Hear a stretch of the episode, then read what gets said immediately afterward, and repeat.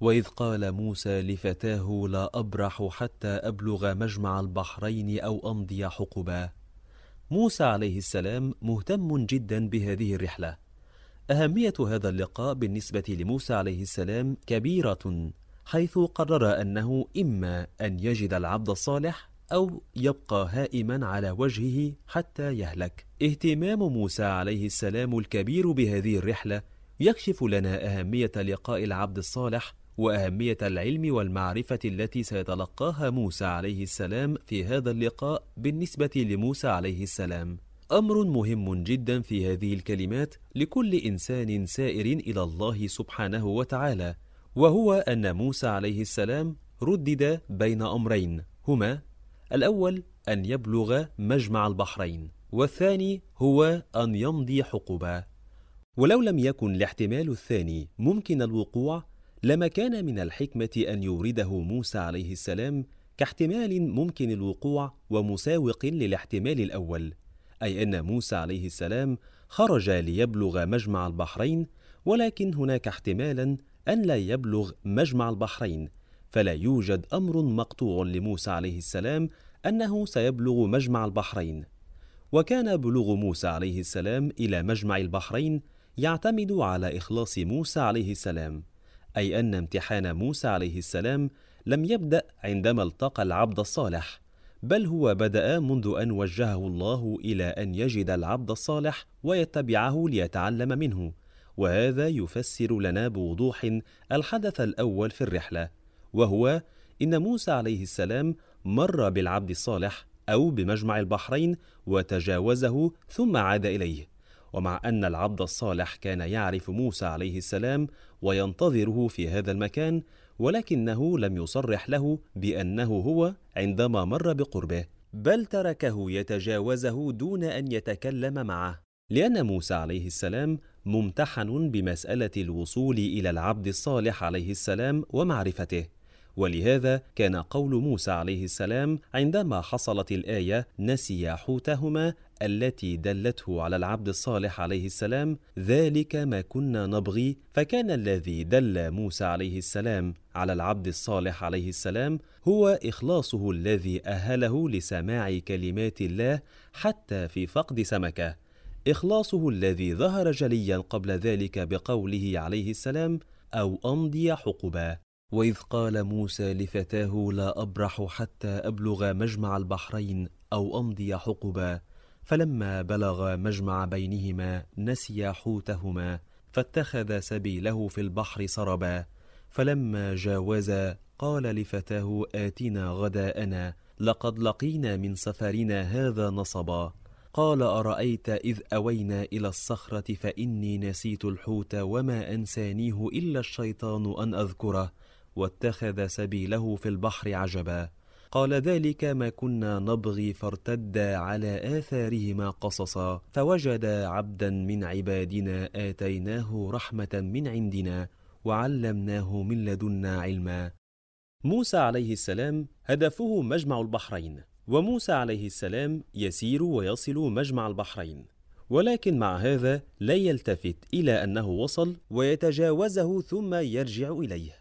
إن كون هدف موسى هو مجمع البحرين وتضييعه عليه السلام لهذا الهدف يحتاج إلى تدبر لأنك لا تضيع ملتقى دجله والفرات مثلا إن تتبعت أحدهما نزولا.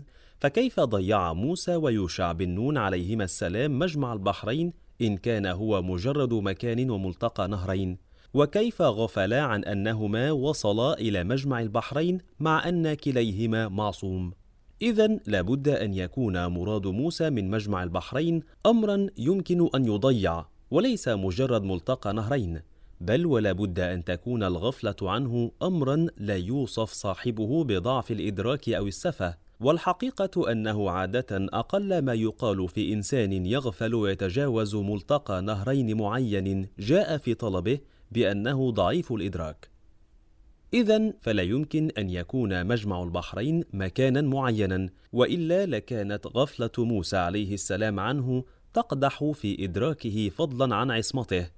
ولا بد أن يكون الالتفات إلى مجمع البحرين وتذكره ومعرفته ابتداء يحتاج إلى درجة عالية من الإخلاص والعصمة المترتبة عليه. يفوق درجة إخلاص موسى عليه السلام وعصمته المترتبة على إخلاصه لكي لا تكون غفلة موسى عليه السلام ويوشع عليه السلام عن هذا الأمر الذي كلف الله موسى عليه السلام الوصول إليه منافية لعصمتهما عليهما السلام.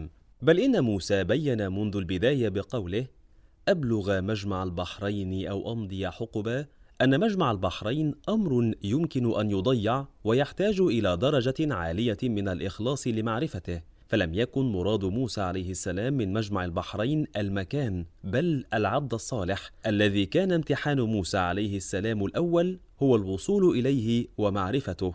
ومع أن موسى عليه السلام لم ينجح في الوصول إلى العبد الصالح عليه السلام ومعرفته ابتداء ولكنه أيضا لم يفشل مطلقا في الوصول إلى العبد الصالح بل هو وصل إليه في النهاية. وهذا هو التعليم الأول الذي حصل عليه موسى عليه السلام في هذه الرحلة. وليتبين أكثر مراد موسى عليه السلام بمجمع البحرين في هذا الموضع من القرآن الكريم لابد أن نرجع إلى موضع آخر في القرآن ذكر فيه البحران ومجمعهما ولكن بصورة أخرى ربما تكون أكثر وضوحا وجلاء للمتدبر.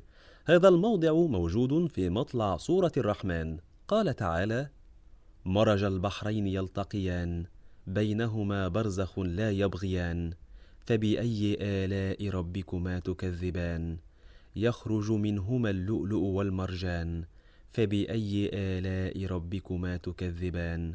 وله الجوار المنشآت في البحر كالأعلام فبأي آلاء ربكما تكذبان؟ كل من عليها فان ويبقى وجه ربك ذو الجلال والإكرام. سورة الرحمن من الآية 19 إلى الآية 27 هذه الآيات لا أريد تفسيرها وتأويلها. فالروايات التي جاءت عنهم عليهم السلام في تفسيرها وتأويلها تكفي لبيانها وبيان معناها بجلاء ووضوح ولكن فقط أوجه من يريد أن يتدبرها ليعرف المراد منها وبها إلى أن يقرأ قوله تعالى كل من عليها فان ويبقى وجه ربك ذو الجلال والإكرام. ليتبين له أن كل ما سبق هاتين الآيتين هو تفصيل لوجه الله الباقي وذكر لوجه الله الباقي بالصفه الملائمة لكونه وجه الله الباقي وهي العلم. ولا أظن أن كون الماء والبحر في الملكوت هو العلم امرا خفيا وأيضا لا أظن أن بقاء علم العلماء في هذه الحياة الدنيا حتى بعد رحلهم امرا خفيا بل هو باق بعد فنائها. وهذا ما جاءت الآية لتبينه وتؤكده وتعرف الناس به. كل من عليها فان ويبقى وجه ربك ذو الجلال والإكرام. هذا الوجه الذي واجه به الله الخلق وهو العلم والمعرفة والعقل الكامل وهو الماء وهو البحران وهو ما يخرج منهما وما يجري فيهما وهو محمد وآل محمد عليهم السلام والأنبياء والأوصياء عليهم السلام وأولياء الله سبحانه وتعالى. أما الروايات التي بينت أن البحرين هما علي وفاطمة وأن ما يخرج منهما وما يجري فيهما هم الأئمة والمهديون عليهم السلام فهي كثيرة وهذه منها. عن أبي عبد الله عليه السلام قال في قول الله تبارك وتعالى مرج البحرين يلتقيان بينهما برزخ لا يبغيان قال علي وفاطمة بحران عميقان لا يبغي أحدهما على صاحبه يخرج منهما اللؤلؤ والمرجان. قال الحسن والحسين عليهما السلام. المصدر تفسير القمي جزء اثنان صفحة 244 قال علي بن إبراهيم في قوله مرج البحرين يلتقيان. أمير المؤمنين وفاطمة عليهما السلام. يخرج منهما اللؤلؤ والمرجان الحسن والحسين عليهما السلام وقوله وله الجوار المنشآت في البحر كالأعلام قال كما قالت الخنساء ترثي أخاها صخرا المصدر تفسير القمي جزء 2 صفحة 344 ومن طريق المخالفين لآل محمد عليهم السلام ما رواه الثعلبي في تفسير قوله تعالى يخرج منهما اللؤلؤ والمرجان. يرفعه إلى سفيان الثوري في هذه الآية قال فاطمة وعلي عليهما السلام يخرج منهما اللؤلؤ والمرجان. قال الحسن والحسين عليهما السلام. قال الثعلبي وروي هذا عن سعيد بن جبير وقال بينهما برزخ محمد صلى الله عليه وآله وسلم. المصدر البرهان جزء سبعة وعشرون مجلد سبعة صفحة ثلاثمائة وتسع وثمانون. وعن جابر عن أبي عبد الله قال عليه السلام في قوله عز وجل مرج البحرين يلتقيان قال علي وفاطمة بينهما برزخ لا يبغيان قال لا يبغي علي على فاطمة ولا تبغي فاطمة على علي. يخرج منهما اللؤلؤ والمرجان. الحسن والحسين عليهما السلام. المصدر بحار الأنوار جزء 24 صفحة 97 البرهان جزء 27 مجلد 7 جزء 7 صفحة 387 تأويل الآيات جزء 2 صفحة 635 وكان رسول الله صلى الله عليه وآله وسلم يرحب بهما فيقول صلى الله عليه وآله وسلم مرحبا ببحرين يلتقيان ونجمين يقترنان. ويوجد غيرها. ورد في الحاشية انظر الملحق واحد. انتهت الحاشية. وضح جليا الآن من تدبر الآيات ومن الروايات عن محمد وآل محمد عليهم السلام أن البحرين هما علي وفاطمة عليهما السلام وأن الناتج من لقائهما هم الأئمة والمهديون عليهم السلام. اذا فالناتج من لقائهما عليهما السلام أو مجمع البحرين في قوله تعالى وإذ قال موسى لفتاه لا أبرح حتى أبلغ مجمع البحرين أو أمضي حقبا.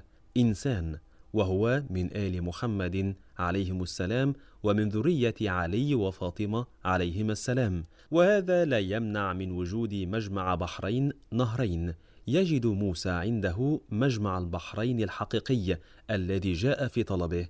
وفي المكان آية أيضا يعرفها أهلها.